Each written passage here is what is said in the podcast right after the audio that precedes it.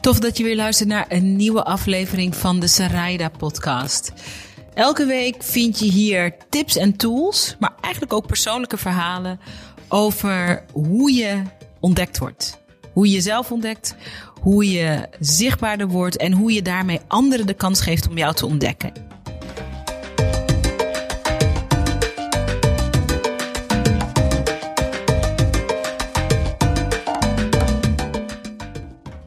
Podcast die ik je vandaag wil laten horen um, was een heel belangrijk en best wel cruciale shift in mijn eigen zichtbaarheid. Ik werd vorig jaar een alleenstaande moeder. Dat betekende dat mijn hele leven op zijn kop stond en dat ik allerlei dingen anders moest aanpakken en anders moest aanvliegen. En dat gold niet alleen voor mijn privéleven, maar ook voor mijn business. En in die toch ook wel chaotische periode ben ik tot een aantal inzichten gekomen die voor mij radicale shifts hebben gecreëerd in mijn business en in mijn leven. En tijdens mijn Brave New Media World event, dat is het terugkerende event um, dat, ik, uh, dat ik organiseer over alles wat te maken heeft met zichtbaarheid, ontdekt worden en ondernemerschap, werd ik geïnterviewd door een van mijn uh, goede vriendinnen, Nicole Offenberg, die een topcoach is.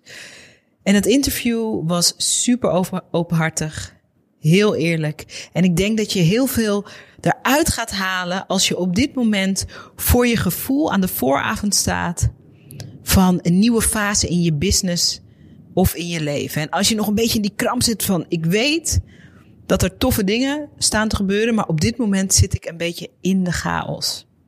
Als je dat herkent, dan is deze aflevering van de podcast zeker iets voor jou.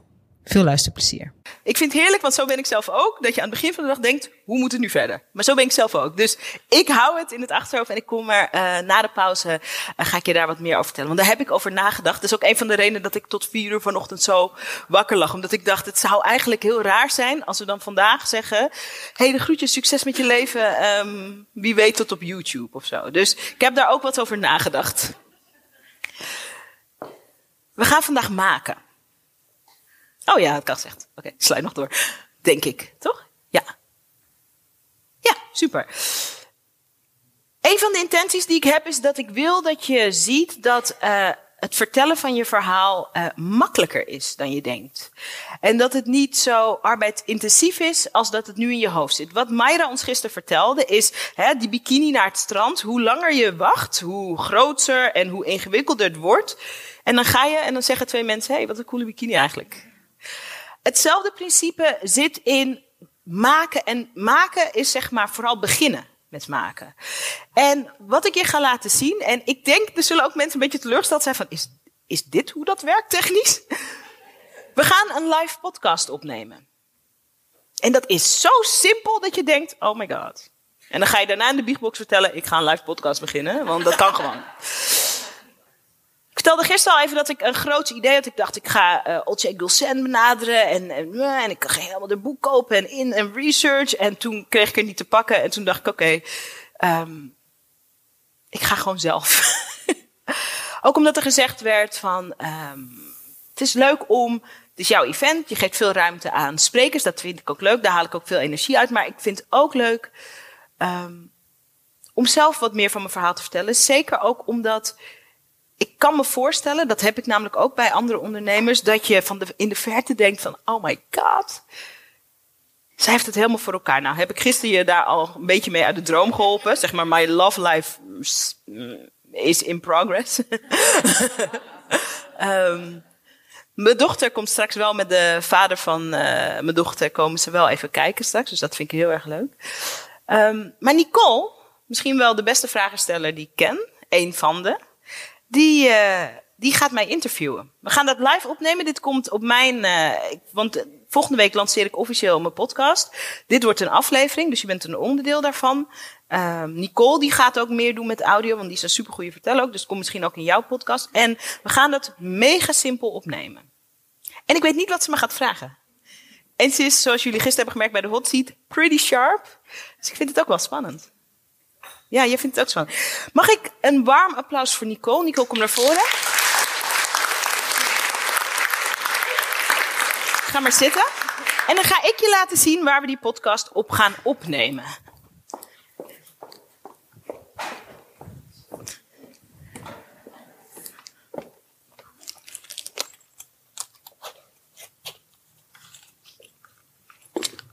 Super. Zo. Doet hij het? Ja, hij doet het. Ja. Ik vind het ook spannend trouwens. Ik heb, ik heb niet wakker gelegen tot vier uur. maar wel af en toe zo'n... Dan draaide ik me om. En plop. ah, misschien moet ik die vraag nog stellen. Oh, heb ik wel... Nou ja, dat. En mijn innerlijke criticus, hè, die kennen jullie, hè, die stem die zegt... Ja, maar de vragen zijn niet goed. Ze zijn saai. Je moet... En dat ik dan straks als ik naar huis rijd denk... Oh, ik had die vraag. Het is wat het is. Dat is ook, hè? Als je Ja, podcast... Dan wil je de perfecte podcast maken. Of de perfecte Het video. is wat het nu is. Ja. En En dat het moet ik ook tegen mezelf zeggen vooral. Ja. Dus. Dus. Oké, ik ga even kort laten zien. Waar we het veel over gaan hebben vanmiddag is dat ik wil dat je gewoon gaat maken on the go. Het is een enorme drempel om te zeggen: oké, ik ga een soort mini-radiostudio thuis bouwen. Kan, maar. en dan moet ik eerst op het internet allemaal gratis tutorials kijken van wat dan de beste microfoon is. Nou, dan ga ik dan twee dagen aan zitten. Ehm daar ga ik ook nog veel advies over inwinnen. Ehm, dan moet ik zeg maar een kamer vrijmaken in mijn huis, want daar wordt de radiostudio gebouwd. Eh, nou, dan moet je in overleg met je partner. Ja, maar dat zou toch, maar dat is toch de ontspankamer? Nee, dat wordt dan nu de podcastkamer. Nou, heel ingewikkeld. Eh, en dan moet je nog mensen gaan uitnodigen. En oh, en hoe zit dat? En iedereen heeft het druk. En, en voor je het weet, is drie maanden later, al je energie is er weer uitgezakt. En als mensen je vragen, zou het gewoon podcast beginnen? Dan zeg je, ja, het is ingewikkeld. Het is niet zo ingewikkeld. Mijn telefoon. Ik ga straks de, eh, de apparatuur, ik heb dat ook straks eh, in de training, maar een telefoon en een microfoon. En bij deze microfoon, als je die koopt, ik ga je er straks meer over vertellen, dan zit er een appje. Daar druk je op een eh, record button. en dan ben je in business. Dus ik ga op record drukken. En wat ik zo, dat vind ik leuk om straks in de training te vertellen. Ik heb ook echt gekeken naar. eh, ik, ik, ik vertel gewoon welke apparatuur ik gebruik. Ehm, en dit is. ehm, dit is zo'n apparatuur, dit is zo'n appje waarmee je in één druk op de knop kan je dat, heb je dat op Soundcloud geüpload. Of heb je het naar je Dropbox verstuurd, of heb je het naar jezelf gemaild. Makkelijk. Nou kan het... Eh, nee, want dat vind ik niet belangrijk. Ja, tuurlijk, ja. tuurlijk wel. Ja, tuurlijk. Alleen mijn antwoorden, geen vragen. Nee. En dan zelf de vragen ervoor Ja, ja, ja. Wat Nicole me hier vroeg is, nee. Nee. Even voor je nou denkt, ja, maar Zaraida weet dit soort dingen. Die vertelt dat heel simpel. Ik was bij jou, ik zag dat. Ik ben echt nul technisch. Ik, heb ook, zo'n barrière. ja. Ik, ik zag dat, ik werd heel enthousiast. Ik heb hem gekocht. Binnen 10 minuten wist ik hoe het werkte. Ter geruststelling. Echt waar. Het is echt, nou ja, echt het meest simpele wat ik ooit heb gezien. Eh, voordat je denkt van, ja, maar Zaraida die weet dat soort dingen. Dus die zal er wel makkelijker mee zijn. Nee. Nee. Jij kunt het ook. Ja, absoluut. En ik heb een microfoontje gekozen. Die je dus op tafel legt. Dit ding, daar ga ik straks meer over vertellen, heet een plopkap. Dus het zo'n, zo'n, zo'n dat stoffen ding eroverheen.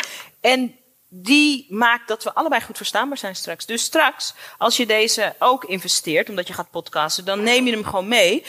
En ehm, als je dan Arie Boomsma tegenkomt en die kent jou van je video's en die zegt, oh my god, jouw video's, dan zeg je super cool dat ik je tegenkom. Mag ik je even wat vragen stellen? En dan heb je een podcast met Arie Boomsma. Dit is nog nooit met iemand gebeurd, maar het is gewoon een voorbeeld van wat er mogelijk is. een soort van. Het gaat erom dat je altijd, dat je jezelf in de staat brengt dat het makkelijk wordt om verhalen te vertellen. Zo makkelijk mogelijk. Oké. Nou, we zijn, eh, we zijn in de air. On air nu. Ja. Oké. Interview. Mijn intentie voor dit interview. Twee dingen eigenlijk.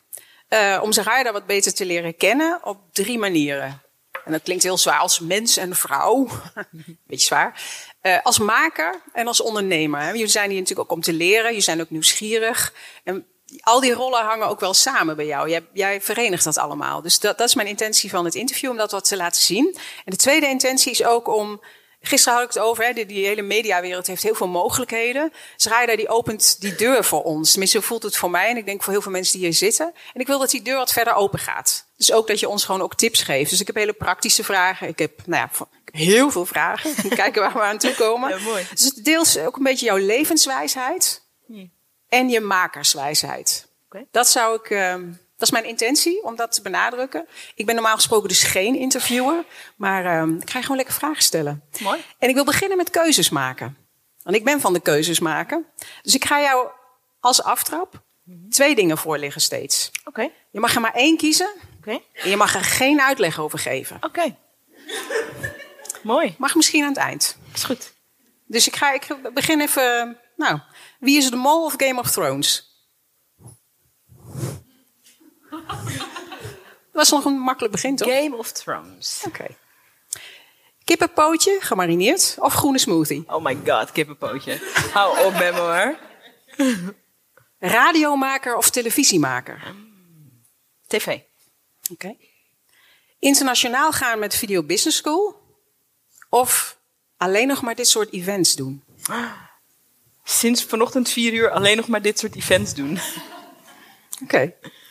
Een bestseller of een talkshow op primetime? Oh my god, een talkshow op primetime.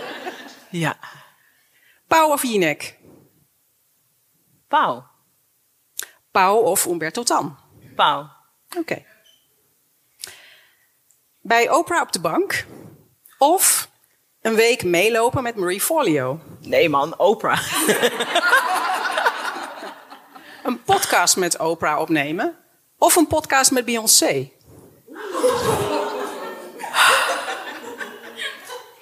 Oprah. Ja. Welke vraag zou jij Oprah stellen? Als je haar één, echt maar één vraag mag stellen. Je komt haar tegen met jouw dingetje. Net als Arie Boomsma, maar dit is Oprah. Ja. Eén vraag. Ehm, ik zou er vragen van welk romantisch ideaal ze afscheid moest nemen om een gezonde relatie te hebben. Die vraag ga ik je straks ook stellen. Oké. Oh, shit. Maar je moet je even onthouden. Hè? Onthouden jullie dat met mij? Een nieuwe liefde of een miljoenenbedrijf?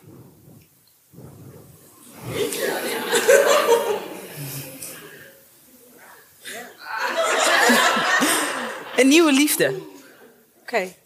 Wil je nog ergens op terugkomen? Op alles? Nee. Eén ding Eh, kiezen. ja, je komt terug op nieuwe liefde of een miljoenenbedrijf. Ehm, en dit klinkt heel raar, maar ik zeg een nieuwe liefde omdat ehm, dat miljoenenbedrijf komt denk ik vanzelf wel. en het lijkt me heel. ehm, ehm, voor mij heeft het geen haast, een nieuwe liefde, omdat ik. eh, ben echt heel grondig aan het uitzoeken wat ik eh, mag leren van wat er recent gebeurd is in mijn liefdesleven. Namelijk dat eh, ik uit elkaar ben met de vader van mijn dochter.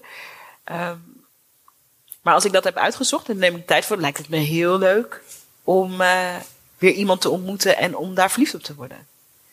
Ja, en ik vind dat je, om, je kan je ook met niet een miljoen omzet toch voelen alsof je een miljoenenbedrijf hebt. Mooi. Ja. Voel, voel, jij, voel jij dat al, dat miljoenenbedrijf? Voel je al alsof je dat miljoenenbedrijf hebt? Ehm, nee, maar ik voel me wel, ehm, ik voel me wel heel rijk. En ik voel me veel eh, rijker en zichtbaarder dan toen ik bijvoorbeeld bij de tv werkte. Terwijl je, als je bijvoorbeeld naar die zichtbaarheid kijkt, dat je ook heel goed zou kunnen zeggen van nou, ehm, dat oude tv-werk is een groter podium. Dus daar was je in elk geval zichtbaarder. Ehm, en er zijn veel meer mensen die een veel grotere waarde hechten aan televisiebekendheid. Maar ik voel me nu veel rijker. Mooi. Ja. Nou, dat waren de keuzes. Zo. Ja. je hebt verschillende rollen. Ik zei het net al. Hè? Je, je, je kondigt jezelf. Ik ben ook echt een maker. Maar je bent ook presentator, interviewer. Je bent moeder, vriendin, dochter. De moeder van Sarayda is hier ook aanwezig. Hi mam. Fly. Daar. Ja. Ehm, in welke rol voel je het meest Sarayda? Wanneer ben jij het meest jezelf? Toch als moeder. Oké. En ik vond het heel spannend. ehm, ik ben laat moeder geworden. ehm, ik zou bijna zeggen expres. Omdat ehm, ik vond het heel spannend. Omdat ik dacht. Dat is zo'n een klus die je graag heel goed wil doen. Ehm, omdat het ook gaat over iemand anders welzijn. Maar ik merk dat daar ben ik de meest ongedwongen versie ook van mezelf. Ik merk ook dat eh, er is ook weer een stukje kinderlijkheid. Ik, soms moet mijn dochter zit in zo'n stoeltje en dan doe ik een optreden en dan zie ik gewoon aan haar van ik ben nul mam, wat doe je? Uh, maar die kant van mezelf, dat hele speelse, dat zit eh, ook bij mijn dochter. En um, ik vind het heel mooi, want dat heb ik nooit ergens anders ervaren. Dat je zo'n verantwoordelijkheid voelt, maar ook zoveel lichtheid. Ja. In één situatie. Dat vind ik heel wonderlijk. Ja, dus dat is eigenlijk de rol waar je dus echt meest Raida voelt. Ja. Nou heb ik research gedaan voor dit interview. en ik kwam uh, allerlei leuke dingen van jou tegen op internet. En je had gisteren met Mariana ook uh, even over. Je hebt Mariana ontmoet toen je nog zo'n zonnebril op had. Mensen op afstand hield. Je moet maar eens googlen. Het is volgens mij nog ergens te vinden. Diep in de krochten van het internet. Ja. Um, maar dat is lang geleden. Als je naar jezelf kijkt, tien jaar geleden en nu. Waarin ben je ongelooflijk veranderd en waarin ben je echt compleet hetzelfde gebleven? Nou, ik ben wel veel veranderd hoor. Waarin? Um, ik, het moment Marjane en ik hebben elkaar ontmoet omdat uh, ik werkte bij de tv en ik was al een beetje, en begon al te rafelen. En, um, en ik was zo bang. Ik was gewoon zo angstig. En ik had uh, um, op mijn twintigste uh, een nare seksueel geweld uh, ervaring meegemaakt. En dat ik helemaal niet verwerkt. Gewoon een lage bond. Ik ben er denk ik wel overheen. Ik ga er gewoon nooit meer aan denken. En ik had helemaal niet door dat als je zo omgaat met je trauma's, dat je langzaam een ander karakter krijgt. Dus ik was heel. Uh, want ik had meegemaakt bij die ervaring dat um, iemand dus gewoon ineens over je grenzen kan gaan en dat je daar geen controle over hebt. En mijn idee van wat geweld voor die tijd was, is dat um, iemand, uh, zeg maar, wat op je afloopt. En misschien heeft iemand wel een wapen bij zich en die gaat jou overvallen. Dat is dan een, een situatie. Zo zag ik, zo, dat dacht ik dat geweld. Ik dacht dat dat geweld was. En toen iemand zo ineens over mijn grenzen ging, en in mijn geval was het ook een bekende, dacht ik: oh my god, iedereen is een stiekem geladen wapen. Nou, als je zo in de wereld loopt, dan ben je afgeschermd. Dus via via had ik iemand ontmoet. Um, en dienstpartner, ik had een vriendin, een leuke vriendin, en dienstpartner was zo'n groot dromer. En die had toen in februari, had in maart gezegd: Ik ga een event organiseren in Spanje. En ik wil alleen maar leuke mensen samenkomen om te praten over het leven.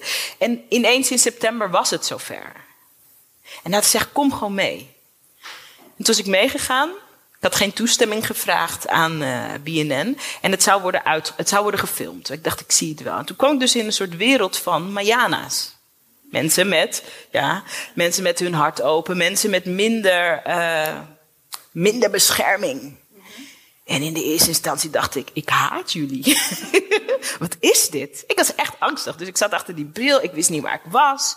Je zag het een beetje op de beelden die ik heb gezien. ja, dat geloof ik wel. Ik dacht, ik ga gewoon vol in mijn Diana Ross rol. en dan blijven jullie misschien ook weg bij mij. En uh, door het soort meditatie dat Mariana toen daar deed, toen was ik echt. Gisteren kwamen je bij een aantal mensen heel stevig aan, maar ik was echt zo de ultieme snotter. Ik, zo, ik ging echt in de ugly cry bij die. Ik zo, zo. Er werd ook gefilmd. En, uh, en, ik dacht, ik kan nu nooit meer terug. En ik weet nog dat ik, uh, ik ben nog. Mm, Uiteindelijk is dat de documentaire geworden. Die is uitgezonden op tv, maar uh, op een zondagochtend of zo. En ik heb nog maanden in een soort doodsangst gezeten. Dat die directeur, die toch al niet zo'n hoge pet op had van mij, me zou bellen en zou zeggen: Wat heb jij jezelf belachelijk gemaakt bij die documentaire waar mensen gewoon een beetje gelukkig zijn en praten over het leven? Um, en is dat wat veranderd is? Dat je meer open bent. Je hebt die, die, muur is afgebroken. Ja, dat ik dacht, ik ben ook daarna, um, ook door gesprekken met Marianne, maar ook andere mensen die ik daar heb ontmoet. Um, ik dacht, ik ben daarna echt zo actief op zoek gegaan naar van hoe kan ik die muur afbreken. Okay. Actief. In plaats van ik hoop dat er iemand komt die hem afbreekt. de juiste man breekt er wel doorheen. Echt niet. Jij bent de juiste echt man. bewust keuzes ja. gemaakt om die muur af te breken. Ja, ja en, uh, en dat was heel rommelig. Waarom ben je eigenlijk nog hetzelfde? Um, ik denk wel in mijn ambitie en in mijn enthousiasme. Met hetzelfde enthousiasme als hoe ik hier sta, heb ik bijvoorbeeld uh, al mijn kansen gecreëerd. Uh, ik ben altijd op mensen afgestapt. Ik ja. weet nog toen ik bij MTV werkte, toen was ik 22 of zo. En toen was er een directeur en die had zo'n ingewikkelde titel. En toen had ik gewoon een keer aangeklopt. zei ik, ik, wat doe jij de hele dag? En dat vond hij super. Hij zegt, ik kan het wel vertellen, maar moet jij vertellen wat jij de hele dag doet? Want hij weet ook niet meer wat iemand... Ik was toen assistent producer of zo. Dit doe jij nog steeds, hè? Ja, dat, dus dat is nog hetzelfde. Dat ik... ehm, Nieuwsgierigheid, enthousiasme, dat ik dat- de vragen stellen ja, ook. Ja. En daar ontstaan... De directeur waar ik het over heb, die zit straks in het eh, Brave New Media World panel. Interessant. Ja, en die was toen, die stond zo, die stond helemaal bovenaan die zogenaamde ehm totempaal. En ik heb wel altijd geweten dat die hiërarchie is er niet echt. Dat weet ik. Ik weet ook dat je op een bepaalde manier iemand moet benaderen. Dus daar gaan we het bijvoorbeeld ook over hebben tijdens Brave New Media World. Eh, maar ik weet dat je iedereen kan benaderen. Ja. Gaan we het zo ook nog even over hebben. Hoe jij dat ooit Ja. gedaan hebt en wat je daarvan leerde. En wat je ook vooral de mensen in de zaal aan- aanraadt. Ehm, gisteren had je een heel mooi citaat van je vader. Het verhaal kiest jou. Wat is op dit moment het verhaal dat jou kiest? Ehm, nou, toch het verhaal dat ik. eh, ehm, dat ik toch het verhaal. Ik, dat, ik ben nu een alleenstaande moeder met een groot bedrijf. En, en ik vind dat spannend. ik voel heel veel verantwoordelijkheid, ook heel veel plezier. Ehm, maar dat, voel, dat is. ehm, Is dat het verhaal waar je nu middenin zit? ja, ja, Oké. ja. Ik weet niet precies hoe het gaat lopen. Je zit er nog middenin. Ja. Je weet niet hoe het eindigt. We Nee. hebben nog geen spoiler Ja. alert. Nou, spoiler alert, het, het, komt, komt. niet meer goed. Met die relatie. niet. Met die Nee. relatie. Ik zeg het maar, omdat echt waar. Ze komen straks en dan zie je dat we elkaar niet haten. Dat we nog steeds, want we zijn nog steeds eigenlijk best oké vrienden. En dan snap ik, want dat zou ik hebben als omgekeerd was. Zou ik, zou ik naar mezelf toe komen in de pauze en zeggen: Ik zou het niet zo zwart-wit zien. maar zoals iedereen, elke relatie is een heel eigen land. Met eigen regels en eigen. En je moet echt van me aannemen dat ik het serieus meen. Dat ik zeg: die relatie komt niet meer goed. En ik zeg dat omdat ik weet dat in relatievorm kunnen we niet de beste ouders zijn voor ons kind. En dat is voor ons allebei de prioriteit. Daarom durf ik dat te zeggen. Ja, mooi. Ik, ik ken jou als iemand die heel trouw is aan jezelf. Je hebt gisteren heel mooi verteld hè, over mentale fitheid. Wat jij nodig hebt om op de been te blijven midden in dat verhaal. Ehm, op welke momenten ben je ontrouw aan jezelf? Wat gebeurt er dan? Nou, ik ben wel ontrouw aan mezelf geweest in die relatie. Waarin ik me helemaal liet meeslepen. Eh, door die fijne verliefdheid, maar ook door hoe ik dan vond dat het moest worden. Weet je, redeneer je vanuit een ideaalbeeld? Ja, Wat was dat beeld? Ehm, dat, dat voor mij, ik, ik ben altijd bezig met aan het kijken. En als je een beetje vermoeiing voelt, dan klopt dat ook. Ik ben altijd bezig aan het kijken van hoe kan ik muren afbreken en hoe kan ik. ehm, maar dat is helemaal niet wat iedereen wil. En mijn aanname is dat als ik iemand ontmoet in wie ik me herken, dat die dat ook wil. En zo wil leven. En dan vind ik ook dat dat moet, eigenlijk. En dat is helemaal geen goede basis. Dus, eh, en ik had al eerder gezien dat dat niet zou gebeuren eigenlijk. Maar ik wilde daar gewoon, ik wilde dat niet, ik wilde dat niet accepteren. Dat iedereen, mijn vader die, ehm, toen hij nog leefde, ehm, die had een, een heel gek voorbeeld. Waar ik elke dag aan moet denken. Mijn vader die eh, woonde op een, in een klein appartement in Diemen. En voor zijn deur kwam de bus 136, bushalte. En hij zei tegen mij, schrijven alle problemen in je leven gaan over het niet begrijpen of het wel begrijpen van dit.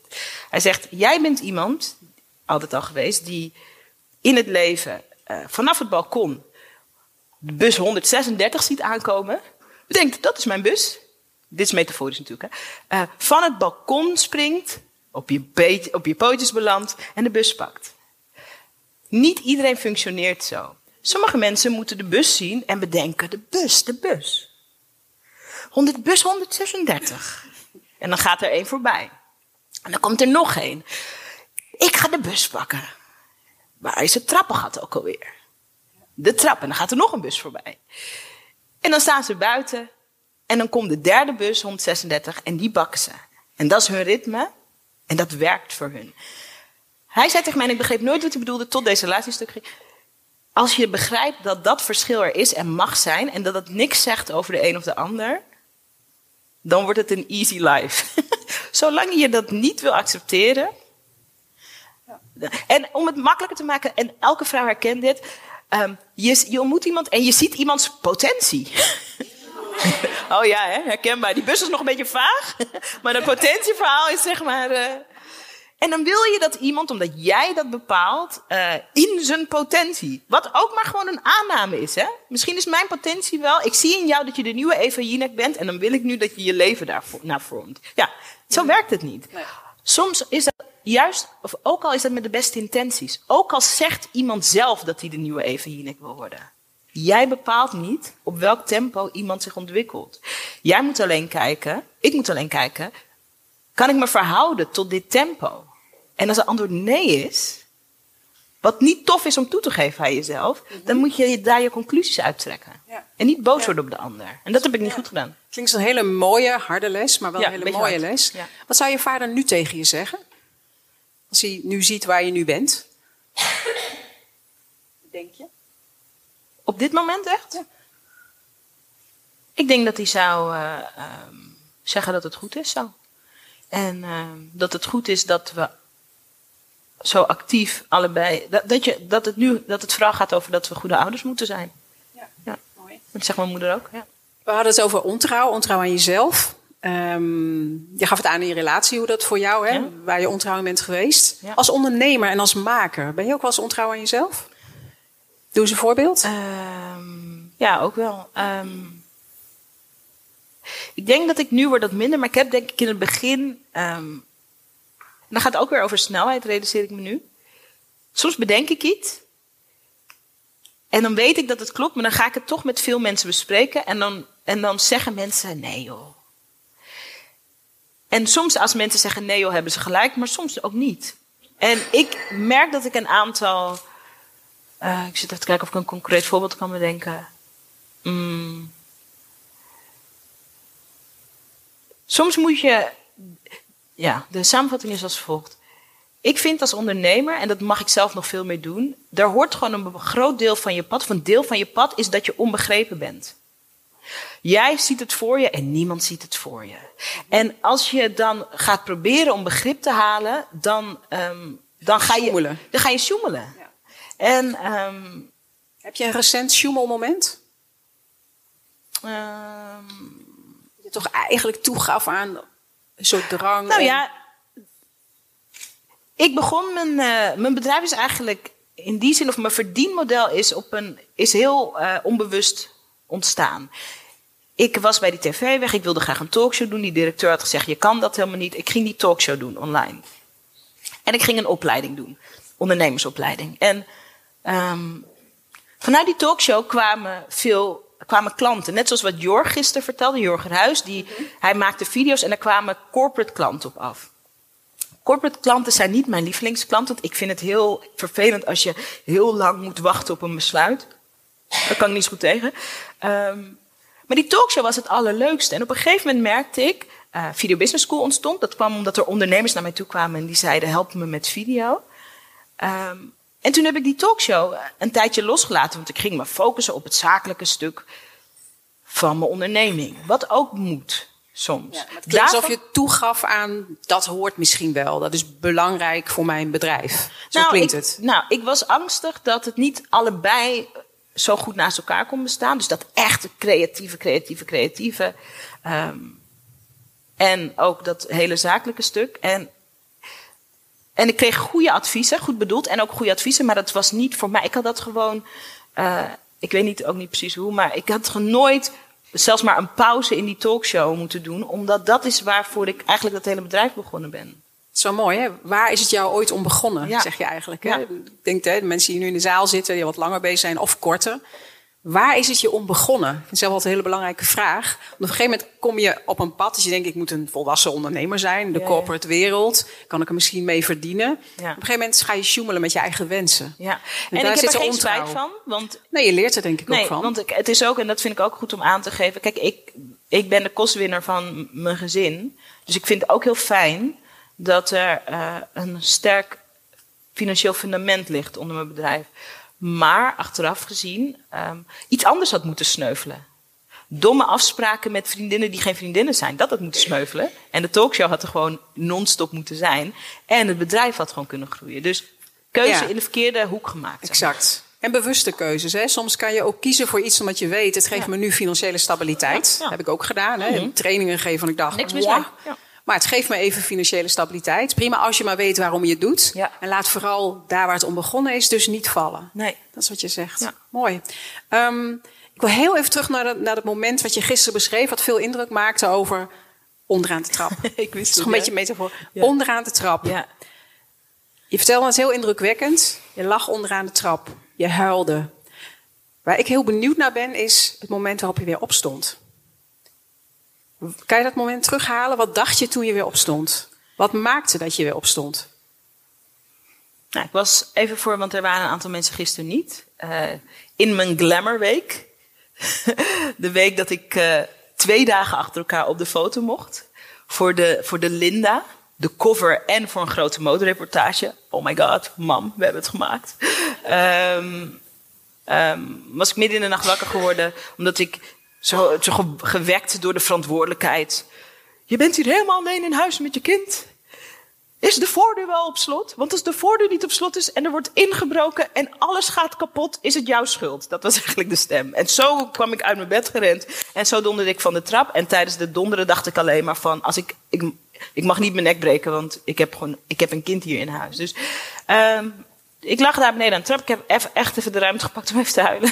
Want ik dacht, wat erg dat als ik van de trap val, dat ik eh, eh, ehm, moet overleven alleen maar. En dat ik, ik mag niet eens, er is niet eens een ruimte voor om gewoon even het zielig te vinden voor mezelf. Ehm, eh, Maar je stond weer op. ja, ik stond weer op. Ja, omdat ik dacht, zo, ik ben wel uitgehaald nu. Ja. Het was Eh, klaar even. ja, omdat ik, juist ook omdat ik niet meteen hoefde op te staan. En omdat ik dus, want ik vind het moeilijk om het zielig te vinden voor mezelf. Dus ik, ik, ik had even, ik zwolg ook even in, in zelfmedelijden. Alles mocht voorbij. Ik verdien dit niet. Dit is zielig voor mij. Alles mocht even voorbij komen. En toen ik die hele rit, en dat ging toen later nog, iemand moet mij redden, kwam ook voorbij. Dat mag ik totaal niet van mezelf denken. En dat vind ik ook niet in het echte leven. Maar En toen je mocht gaf het jezelf toestemming Ja. even helemaal Ja. je te wentelen Ja. in zelfmedelijden. Best oké, toch? Ja, en toen, dat uit, toen ik uitgewend was, dacht ik: oké, nu kan ik weer gaan Dat is wel mooi. Dus dat is het moment dat je opstaat. Ja, Je geeft jezelf toestemming, want als je dat niet doet, dan blijft dan blijf je van de trap vallen. Ja, dan blijf je van de trap vallen. Ik vroeg ook aan mezelf: waarom lig je onderaan de trap?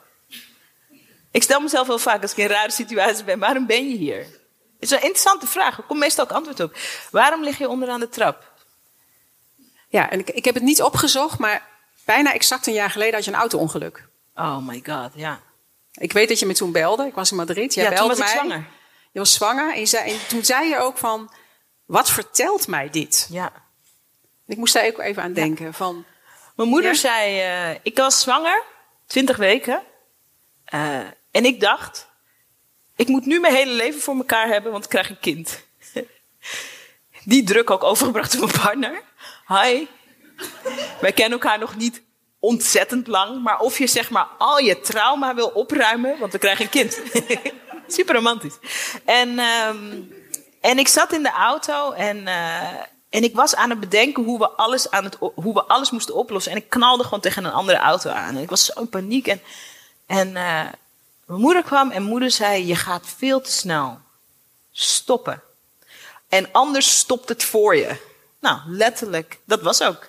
Het wordt, er werd, ik werd echt even op stop gezet. En, ehm, dus ik vraag altijd, wat, is, wat doet de situatie? En ehm, wat, wat doe ik hier beneden aan de trap? Ehm, dat ging erover van... het is ook oké als je het soms heel zielig vindt voor jezelf. Het is gewoon oké. Ja, wil je geen tijd nemen om het even echt zielig te vinden hier? Dan knallen we je onderaan de trap. Ga maar even zwelgen. ja, ik, ik ken het verhaal en we hebben het hier vaker over. Hè, over eh, het ondernemerschap. Ik had gisteren ook een mooie reactie op Instagram van iemand die zei... oh, ik ben blij dat je ook iets vertelt over dat ondernemen... is gewoon niet altijd de buitenkant. Nee. En je hebt die binnen- en die buitenkant. En we zien die fantastische plaatjes, daar hebben wij het ook vaak over. En dit is ook leuk, hè, want dat is, Ja. het is en-en. Het Ja. is nooit of-of. Ja, het is, en ook, het is ook gewoon glamorous dat jij bij de Linda bent, punt. Maar er is ook nog een andere kant. En, en was iemand die schreef eronder van... ik ben blij dat je dat zegt, want ik ben een startende ondernemer. Het gaat niet altijd even goed. En dan zie ik al die schitterende ondernemers. En Ja. vond ik interessant. Van, want ook als ervaren ondernemer... ik ben zelf twaalf jaar bezig, jij bent nu vijf jaar bezig... elke fase heeft dit. Ja, totaal. Maar mijn vraag aan jou is wel... is het anders dan wanneer je starter bent? De- dus elke fase kent zijn twijfels, zijn shit, zijn gedoe. Ga je er anders mee om in andere fases? Ik vond het makkelijker om een starter te zijn. Omdat, Interessant, eh, waarom? Ehm, ik kwam van de tv. Ehm 80% van mijn tv-collega's vond het achterlijk. Omdat vijf jaar geleden het internet en YouTube ook een andere rol hadden. Nu zouden mensen zeggen, nou dan moet je een soort Anna worden. Een bekende vlogger. Wat ik ook niet ben. Eh, ook niet qua eh, getallen. Ehm, of qua views of zo. Ehm, niemand had er enige verwachting van. En het, ik vond het leuk. En ik dacht, ik werkte ook als journalist. Ik dacht, ik eh, kan altijd, ehm, weet je wat Mayra ook vertelde? Je kan als journalist, als je als journalist werkt, kan je ook altijd eh, mooie verhalen blijven. Dus ik dacht, ik zie wel. Dus ehm, het ik, onbevangen, ik, had hè? geen, ja, ik had geen stress over een bedrijf dat nog niet bestond. Ik was wel eh, dat ik dacht van, goh, ik hoop dat het lukt. Die deadline die we gisteren bespraken met eh Suzanne, dat je wel in je hoofd hebt van, je hoopt dat het geen twaalf jaar duurt. Tuurlijk. Dus ik was wel heel gevuurd, maar ik eh, Onbevangener om een starter te zijn dan een ervaren ondernemer? vond ik wel. Ik Ja. moet nu veel meer ruimte maken om onbe- onbevangenheid te voelen. Ja. Ja, en moeilijker misschien ook om dingen los te laten. Als je eenmaal iets hebt, hè, je groeit. Ja. Hè, het is Ja. soms ook goed om los te laten als ondernemer in elke fase. Ja, kijk, wij hebben nu een groot team. Ehm, ik ben geen goede manager. Je kan naar iedereen van mijn team kijken, die beginnen nu te knikken. Ik ben geen goede manager en geen goede planner. Ja, Sonja? ja. Ik weet wat Sonja... ja. Ehm, daar heb ik ook geen pretenties over. Dus iedereen die bij mij in het team werkt, is dat wel. Ehm, ik denk dat ik iemand ben die best goed kan delegeren. Ehm, maar een, het 40% van mijn tijd gaat nu ook over. Ik moet, het, is, het bedrijf is geen bootje meer, het is nu een grotere boot aan het worden. We hebben geen zin om tegen een ijsberg aan te, te eh, varen. Dus de, ik, ik, ik moet ook veel management dingen doen. Ik vind dat niet zo leuk. Nee, hoort er wel bij Ja, als dat je hoort groeit. Hè? ja. Je hebt groeiambitie. Ja, ik had laatst. ehm, ik monteer mijn eigen video's niet. Dat doet Joris en dat doet eh, mijn broer. En die zijn daar super goed in. Nou, dat weet je. Ik zat laatst in een soort ultra-dilemma. Ik, ik wil eigenlijk mijn eigen video's weer monteren, maar een video monteren duurt 2,5 uur. Kan dat wel? Kan dat wel? Ik heb nu ook een kind. Ik sta er alleen voor. We moeten zoveel dingen doen. Er komt een event aan. Kan dat wel? Kan dat En wel? mag het wel Mag het wel? Want ik was de manager, ik moet Ja. dingen uitbesteden. Je bent een ondernemer, hè? je hoort van alle business coaches... nee, moet je niet zelf doen, moet je allemaal uitbesteden. wat ook een goed Maar je advies is. Dat is een heel goed advies.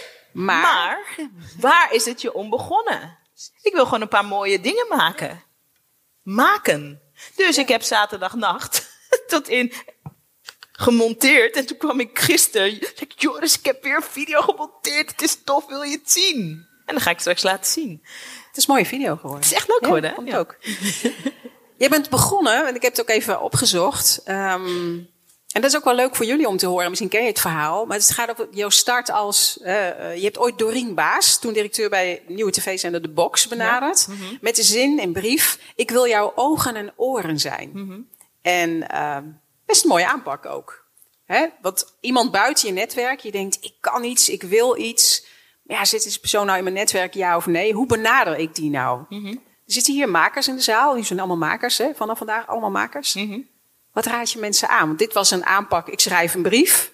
Ik wil jouw ogen en oren zijn. Wat raad je mensen aan als beginnend maker? Ja, voor mij was het zo. Ik, was, eh, ik had mijn eh, marketingopleiding gedaan. Want ik eh, heb geleerd, en dat is een goede les van mijn vader en mijn moeder, die hier uit Suriname naar Nederland kwamen om hier hun leven op te bouwen. Als je ouders hun alles achterlaten om ergens anders een nieuwe start te maken, dan is het fijn als de kinderen eh, dat offer, want het is een offer wat je ouders brengen, ehm, als ze daar respectvol mee omgaan. En de meest herkenbare vorm van respect is dat je een goede baan met zekerheid creëert. Want dan hebben je ouders, dan slaat het ergens op dat ze huis en haard hebben achtergelaten. Dus ik wilde eigenlijk iets creatiefs doen, maar ik ben marketing gaan studeren. Dat vond ik ook heel leuk. Ehm, afgestudeerd, ik ging mijn afstudeerstage doen bij een theater. Voor mij ging er een soort wereld open. Ik dacht, oh my god, allemaal creatieve dingen zijn ook banen. Een decorbouwer, dat is zijn baan om decors te bouwen. Een regisseur, dat, het zijn allemaal banen. Wow. Ehm, en ik dacht ook, ik wil eigenlijk ook iets creatiefs doen. Theater vond ik te klein in opzet. Ik dacht, dan werk je maanden aan een stuk en dan verdwijnt het weer. Dat, daarom vind ik video's zo leuk. Dat blijft voor eeuwig bestaan. Ehm, maar ik had toen een leuke collega en die kwam met een krantenartikel. Dorine Baas heette de directeur van MTV. En MTV zou een nieuwe jongerenzender beginnen. Ik dacht, wauw, ik wil bij MTV, ik wil bij de tv. Ik keek ook altijd MTV. En toen dacht ik, en gisteren hebben we het daar ook al even over gehad. En vandaag gaan we daar veel over hebben. De meeste mensen die hier in de zaal zitten en de meeste ondernemers die zich aangetrokken voelen tot mijn werk, zijn ondernemers met een groot inlevingsvermogen. Maar ze zetten het niet in op het moment dat ze contact gaan maken. Ik weet dat Dorine Baas niet op mij zit te wachten. Dorine nee. Baas wordt niet ochtends wakker met de verantwoordelijkheid van een nieuw uit de grond te stampen MTV-zender en denkt: er is vast ergens een meisje die beroemd wil worden, Sarayda. Ik weet dat ze daar niet op zit te wachten. Ik heb echt de tijd genomen en ik heb even gedacht van, als ik de directeur van een zender zou zijn, waar zou ik dan mee geholpen zijn? Dat is dus een belangrijke vraag dat, voor maken. Dit is een mega Wie je ook wil benaderen dus. Wie je ook wil benaderen. En toen dacht ik, ik las ook in het artikel, ze vertelde over uh, dat ze in de doelgroep in kaart aan het brengen was. Wat wilde die zien? En toen dacht ik, nou, ik ben de doelgroep. Uh, ik ben uh, 22 of 23 was één. Ik, um, ik heb heel veel tijd over. Mijn tijd is nog ja. niet zo kostbaar. Eigenlijk zei je, ik kan dat voor jou doen. Ja, en ik zei niet, ja. ik heb het eerst gedaan en dat gepresenteerd. Ik, heb, ik zei tegen haar, ik werk eigenlijk al voor jou. Mag ik ook een salaris? en dat is wat Jorg gisteren ook vertelde. Hij geeft ze die maandagochtendmeeting en die structuur. Hij werkt eigenlijk al voor je. Ja. Wat, er, wat we gisteren ook meemaakten, en daarom was ik zo dankbaar voor dat moment, is dat er zit gewoon, en dat is wat Sunny, die hier gisteren zei, en Sunny werd even, om in die marketingterm gebleven, gepitcht. Mm-hmm. En Sunny zei, ik moet nee zeggen, want jouw pitch gaat niet over wat je voor mij kan doen. Ja, dus elke keer de vraag, als je iemand benadert, en ja. je leest over iemand, wat kan ik voor jou ja, ja. betekenen? En hoe dat er dus concreet uitziet, jij moet het werk doen. Weet je waarom jij het werk moet doen? Omdat Dorine Baas, die toen de directeur was, die heeft al die drempels al overwonnen. Sunny heeft anderhalf jaar video's gemaakt waar geen hond naar keek. De beloning is dat ze nu dat platform heeft. Dit is, en daar gaan we het ook over hebben, je kan alleen iemand benaderen als jij ook in de makersrol stapt. Je kan niet met lege handen een maker benaderen, want een maker heeft alle angsten die jij hebt. Misschien vindt niemand het iets. Wie zit hier op te wachten? Dat hebben we ook gehoord, hoe groot de platformen ook zijn. Iedereen is door al die doodsangsten heen gegaan om te doen. Dan kan jij niet komen met lege handen en zeggen: kun je mij omhoog tillen? Dus de mentaliteit van een maker. Eigenlijk al jezelf in de spiegel aankijken. Wat kan je, je maken voor degene ja. met wie je wil werken? Ja. En het hoeft, niet altijd iets, het hoeft niet altijd een video te zijn. Je kan ook een idee voor iemand bedenken. Je kan ook, wat ik tegen Doreen zei, ik zeg ik weet niet hoe uw leven daaruit ziet. Maar ik kan me voorstellen dat als u de directeur van een bedrijf hebt, dat u niet tijd hebt om de straat op te gaan om met jongeren te praten over wat ze willen zien. Ik wel. Mijn tijd is nog niks waard. Ik heb dat alvast vroeg gedaan. En zo heb ik al mijn werk gekregen, ook bij BNN. Ik ben nooit ontdekt. Ik heb nooit in de McDonald's gezeten, zo à la Giselle Bundchen, een hamburger wegkanend, en dat er iemand zei, jij moet een ster worden. Ja. Dat is nooit gebeurd. Nee. Ik heb altijd mezelf eerst aangenomen. Nou is een van de, hè, want dat is heel mooi, hè, Jorien Baas zei, nou kom maar dan, hè, huh? het gesprek. Oh, maar er zijn ook tal van mensen die nee zeggen hoor. Klopt, en dat is ook precies, hè, oh, en zeker als het gaat ook om zichtbaarheid. Hè, want zichtbaar, je nodigt mensen uit zichtbaar te zijn, jij ja. bent zichtbaar, een aantal mensen is hier ook heel zichtbaar. Um, maar er zit altijd een soort een basisangst. Wat Tuurlijk. als? Tuurlijk. Ze vinden het stom. Je post iets en iemand zegt, goh, hm, wat bedoel je nou mee? Ik vind het stom. Of je krijgt een mail. Of je krijgt, nou, gisteren met uh, Maria Louise hadden het er ook over. Hè? De, de shit en de kritiek en de bagger. Ik wil van jou weten, wat is de ergste bagger die je ooit over je heen hebt gekregen? En hoe ga je om met kritiek? Want dit is de basisangst van iedere maker. Ja. Want je gooit je ziel en zaligheid erin. Ja. Zeker, hè? het bedrijf en je idee is een verlengstuk van jezelf. En het voelt alsof iets van jou wordt afgewezen. Hoe ga je daarmee om en wat is de ergste bagger? De ergste bagger is dat toen ik uh, uit de kast kwam met mijn seksueel geweldverleden. Dat er iemand op Twitter, Twitter was toen net nieuw, en dat iemand zei: Jezus, als je dan toch iemand gaat verkrachten, neem dan niet iemand zo lelijks als Raida. Maar ik moet daar echt om lachen, omdat wat voor monster ben je? Als je, kijk, als je denkt, oké, daar zijn we niet bij, maar wat voor monster ben je als je, als je dat gaat, je tikt het gewoon op een plek waar andere mensen het kunnen lezen? wow. Dat is zo heftig, dat kan gewoon niet over mij gaan. Dat kan ik niet geïnspireerd hebben in je. We kennen En elkaar dat is eigenlijk eens. kritiek, dat, omdat het zo ver van je afstaat. Dat, ja, het- raakt dat je staat dat? echt ver van me af, want ik dacht, Maar, maar raakt je dat? Nee, dit vond ik gewoon raar. En ik was wel, ges- ik was ges- ik was wel gechoqueerd dat, dat dit er was. Eh, kritiek, weet je welke kritiek het pijnlijkst is? Kritiek die je eigenlijk hebt over jezelf. Toen ik Spuit en Slikken deed, eh, wat echt ook een leuk programma was om te maken. Maar waarin, ehm ehm, daar laat maar zeggen, niet gewaarschuwd werd voor drugsgebruik. Terwijl ik uit een omgeving kom waar drugsgebruik. eh, en met, eh, dat heeft te maken met de buurt waar ik ben opgegroeid. Waar drugsgebruik echt gezinnen uit elkaar heeft getrokken. Ehm, als mensen dan zeiden van. eh, wat een bagger-tv maak jij. Dat raakte me omdat ik het er ook een beetje mee eens was. Oké, dus eigenlijk stiekem deel je die kritiek een, be- een beetje dus dan. Je voelt, ja, soms, je. Mhm. soms deel je het, soms is het een grote angst. Als je hartstikke bang bent dat mensen je onintelligent vinden, dan zal er altijd iemand opduiken die zegt: Wat dom ben jij? Ehm, omdat het een kans is om te onderzoeken. Misschien ben je bang omdat dat ze je niet intelligent vinden, omdat je zelf zo twijfelt aan of je. Dus onderzoek je kritiek. Of ja, maar niet met de persoon die het geeft. Nee. Nee, Nee. want your work is done. Je hebt het gedropt bij me. Ja. Ik hoef niet met jou te bespreken, met de kritiek. Wel, ik, ik accepteer natuurlijk wel kritiek uit mijn, uit mijn, uit mijn gekozen kring. je van jou bijvoorbeeld. je- je binnencirkel, Ik ja. vraag ook vaak om kritiek. Ja. Maar niet van een of andere oedlul die een kutbaan heeft en die in zijn pauze gaat vertellen hoe ik het beter moet doen. Wat is de kritiek die ik je ooit gegeven heb waar je zei, wow. Oh my god. Ja. Ja, je hebt me echt een paar ges en je hebt mijn hele leven daarmee veranderd. Je hebt, eh, ehm, Toen je het ooit teruggaf, dacht ik, oh mijn god, heb ik dat zo gezegd? Ja. Nou had je er wel een paar woorden aan toegevoegd. ja, ik zit even te bedenken. Ik heb er drie in mijn hoofd die echt intens zijn. Ja. Ja, ehm, Want het is wel belangrijk, hè? want we hebben het over kritiek anoniem op Twitter. Je familie, die natuurlijk heel belangrijk voor je is, maar niet je klant. Maar mensen die dichtbij zitten en je wereld begrijpen. Ja, dat is ook vaak wel hè, je binnencirkel kritiek. Mhm. Maar je hebt En het wel durf daar nodig. Mhm. onderscheid in te maken. Hè? Wie is je binnencirkel daarin? Ik bedoel, voor mij helpt dat in ieder geval. Niet de hele wereld. Ja. Maar welke kritiek raakt je dan? Misschien is het leuk om het te noemen, Ja. misschien ook niet, weet ik niet. Maar zakelijk en privé. Ehm, zakelijk zei je tegen mij. ehm, en dat was zo intens. We waren, weet je dat nog? We zaten aan de bar, zaten rode wijn te drinken.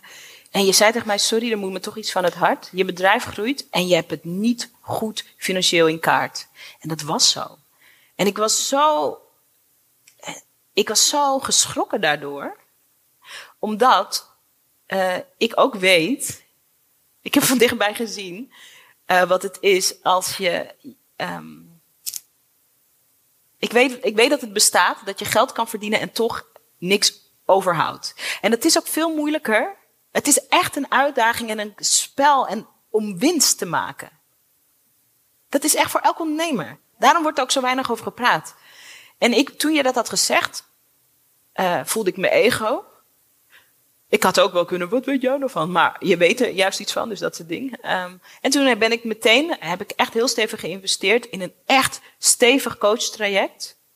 Dat gaat over financiën. Bij Femke Hogema. Ja, en ik weet nog dat het, volgens mij maakte ik een vergelijking. Hè? Stop met lezen, hè? als je bijvoorbeeld wil afvallen. Oh ja, ja. Ik zei, ik lees Ja. er boeken over. Ik lees boeken over hoe ik geld. Toen dacht ik, ja, Moet maar even. managen. Als je af wil vallen, stel dat je die wens hebt, dan kan je lezen over afvallen. Dat zei je.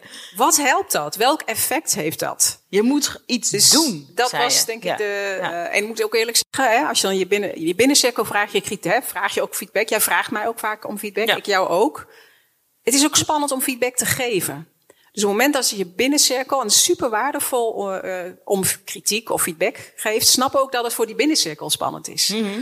Maar op het moment dat er een soort gelijkwaardigheid is en je zit in die binnencirkel, het is nou, misschien het meest waardevolle wat je kunt krijgen van elkaar. Want jij hebt mij ook wel Ja, we hele waardevolle dingen ja, we gezegd. zijn wel stevig. maar daar gaan we nu niet over hebben, want ik ben de interviewer. Ja. Dus, Lekkere rol en is we dat, hebben nog maar twee minuten. Ja. Een paar dingen die ik nog van je wil weten. Misschien ook wel, eh, ehm, Ja, ik, deze vraag wil ik je gewoon stellen, omdat ik er zelf super nieuwsgierig naar ben. Wat vind je ongelooflijk stom in het ondernemerslandschap? We kijken, we kijken heel veel naar elkaar als ondernemer. Waarvan zeg je, oh, dat stoort me ook zo. Dat vind ik eigenlijk stom. Best veel. Dat is wel. Noem één ding. Ja, maar ik heb daar, daar zit wat schaamte op. Ehm,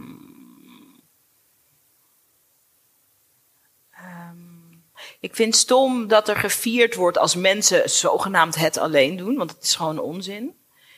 Ik vind het verschrikkelijk als mensen. ehm, ik vind de notie dat je eh, geen geld zou mogen verdienen met, met, je, met waar je zo goed in bent.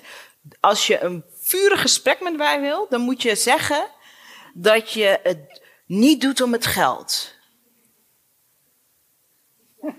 Dan moet je met mij, dan gaan we echt aan de haal. is stom. Omdat, weet je waarom? Ja. Het gaat niet om het geld, maar dan moet je bij de hobbyclub gaan zitten. Salsa dansen is mijn hobby. Dat gaat niet over het geld. Soms ga ik één keer per week, soms ga ik één keer per maand, soms ga ik vier keer per week. Nou, niet meer nu, maar. ja. Ja. Ehm, dat elementaire stuk, Ja. wat in het echt gaat over. Je wil niet ontvangen, want je bent zo'n goed mens. Je wil niet ontvangen. Het is gewoon gelul. Dat is gewoon echt gelul. Je durft niet te ontvangen, for whatever reasons. En dat is het echte gesprek. Dat gezonde ego waar we het op dag één over hadden. Kom niet met een, kom niet met een coutuurjurk over je angst heen. Ik ben gewoon zo'n goed persoon. Als ik het gewoon kan doen, dan doe ik het gewoon. Doe dan bij de hobbyclub. Maar kom niet event na event hier zitten.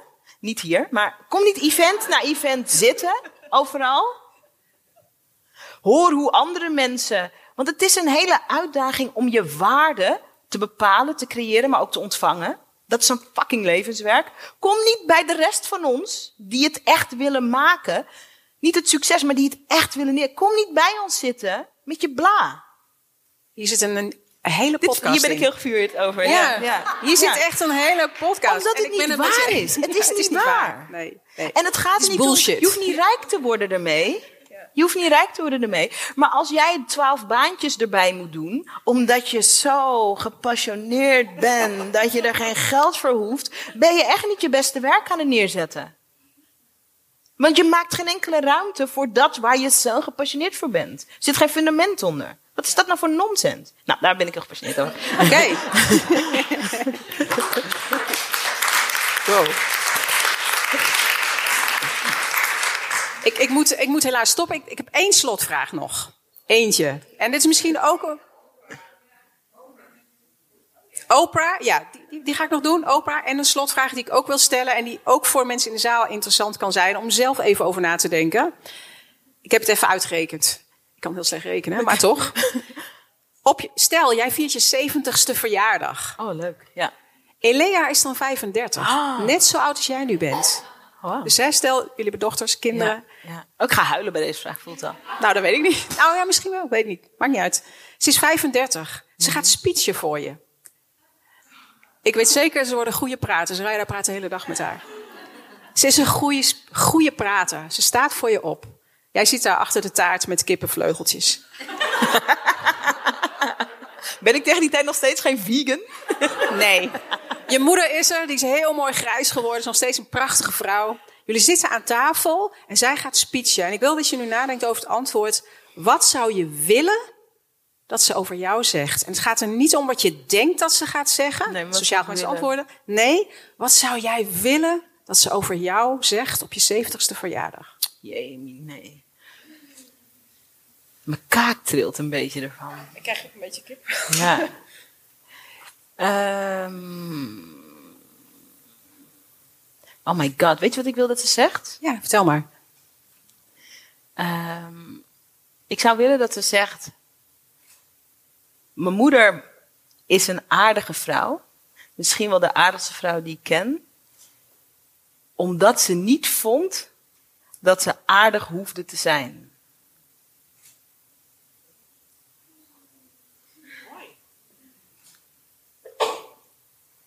Voor iedereen die hier in de zaal zit, het zijn allemaal ondernemers met een groot hart. Iedereen is zo bezig hier en ik ook om het goed te doen, om aardig gevonden te worden, om begrepen te worden. Mariana zegt het vaak tegen me, je bent al aardig. Je bent al lief en leuk. Dus doe maar gewoon wat je te doen hebt. Ik wil mijn dochter niet meegeven dat ze aardig hoeft te doen. Ze is al aardig. Dus ze kan gewoon doen. En soms is ze vurig. En soms is ze blij. En soms is ze chagrijnig. En soms heeft ze zin om te praten en soms niet. En het is oké, want ze hoeft niet te bewijzen als vrouw dat ze er mag zijn omdat ze aardig is. Ze is er en ze is al aardig. Dus ik hoop dat mijn dochter zegt dat ik aardig ben en dat dat komt omdat ik niet aardig hoef te zijn van mezelf. Mooi. Nodig je ons allemaal uit dan? Totally, Toch, hè? totally, Ja, ja. je 70ste verjaardag. Zeker weten. Ja, ik, ik moet even naar feest. Sonja kijken. Ze is heel streng en die Ja. vraag van opa Goed, ligt hoor. open. Ik kan natuurlijk smokkelen en nu Ik zeggen... doe een kort antwoord. Ik ja, kan dat kort ook. antwoord. Ja. De laatste, jij is echt de laatste. De vraag die jij Oprah zou stellen ging over relaties. Oh ja. Je moet hem even zelf opnieuw formuleren. Ik weet hem niet meer. Eh, oh ja, welk, Ook- van welk idee, van welk ideaal? Moet je afscheid nemen om een gezonde relatie te Ja. hebben? Nu zeg ik hem even heel Ja. kort. Nou, dat heeft te maken met wat ik. Dat, eh, ik moet. Dat heb ik ook afgeleerd, op pijnlijke wijze afgekikt via deze laatste relatie die ik had. Is dat. eh, dat, dat, dat romantiek in zich heeft dat je, over je, dat je, dat je iets, al is het een haar, als, al is het een, een, een spriet haar, op jou, dat je iets moet opofferen. Dat is echt niet zo. Maar dat heb je gewoon zo geleerd. Van de fucking tv heb je dat geleerd. Van Sex in the City heb je dat geleerd. Waar een man, Mr. Big, je zes jaar lang negeert. Jij gaat niet uitzoeken waarom jij dat interessant vindt. Hij verandert ook niet. Maar op een dag wordt hij wakker en is het allemaal goed. Niet waar. Je hoeft je niet, opgeoffer, je hoeft je niet op te offeren om gezien te worden. En je hoeft je niet op te offeren om er gewoon te mogen zijn. Je kent ook de laatste zin hè, van Sex in the City. De aller, allerlaatste? Allerlaatste zin. Hey, Sex in the City fan. Ja, totaal. allerlaatste allebei, zin hoor. Ik ook, van. Sex in the City is... de allerbelangrijkste relatie die je hebt in je leven... is die met jezelf. Ja, precies. Ja. Oh my god, ik love dat je die laatste zin Ja. weet. I love it. Sarayda Groenart. Dankjewel.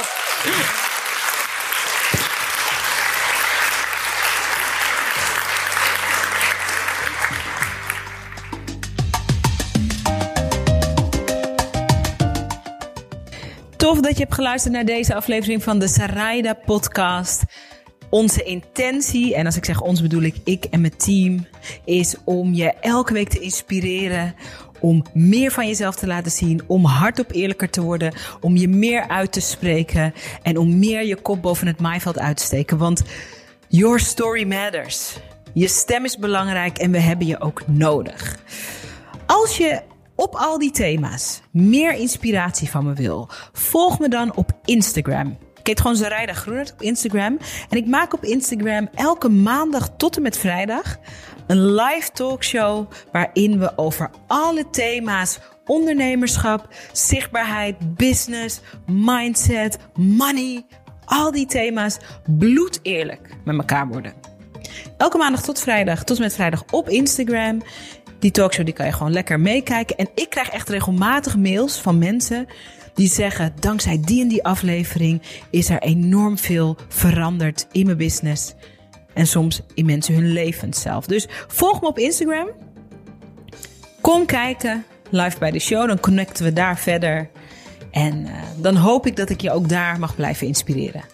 Nogmaals, thanks voor het luisteren. Als je iets aan deze podcast hebt gehad, laat dan ook even een review achter op iTunes. Elke keer als we een eerlijke review krijgen, dan helpt dat de podcast vindbaarder te worden. Dus de intentie is dat heel veel mensen waarde halen uit de podcast die ik maak. Dus help ons daarmee. Dat zou ik echt fantastisch vinden als je even twee of drie minuutjes van je tijd wil nemen om een review achter te laten op iTunes. Bij voorbaat bedank ik je. Ik spreek je bij een volgende aflevering van de Strijden Podcast. Dankjewel voor het luisteren.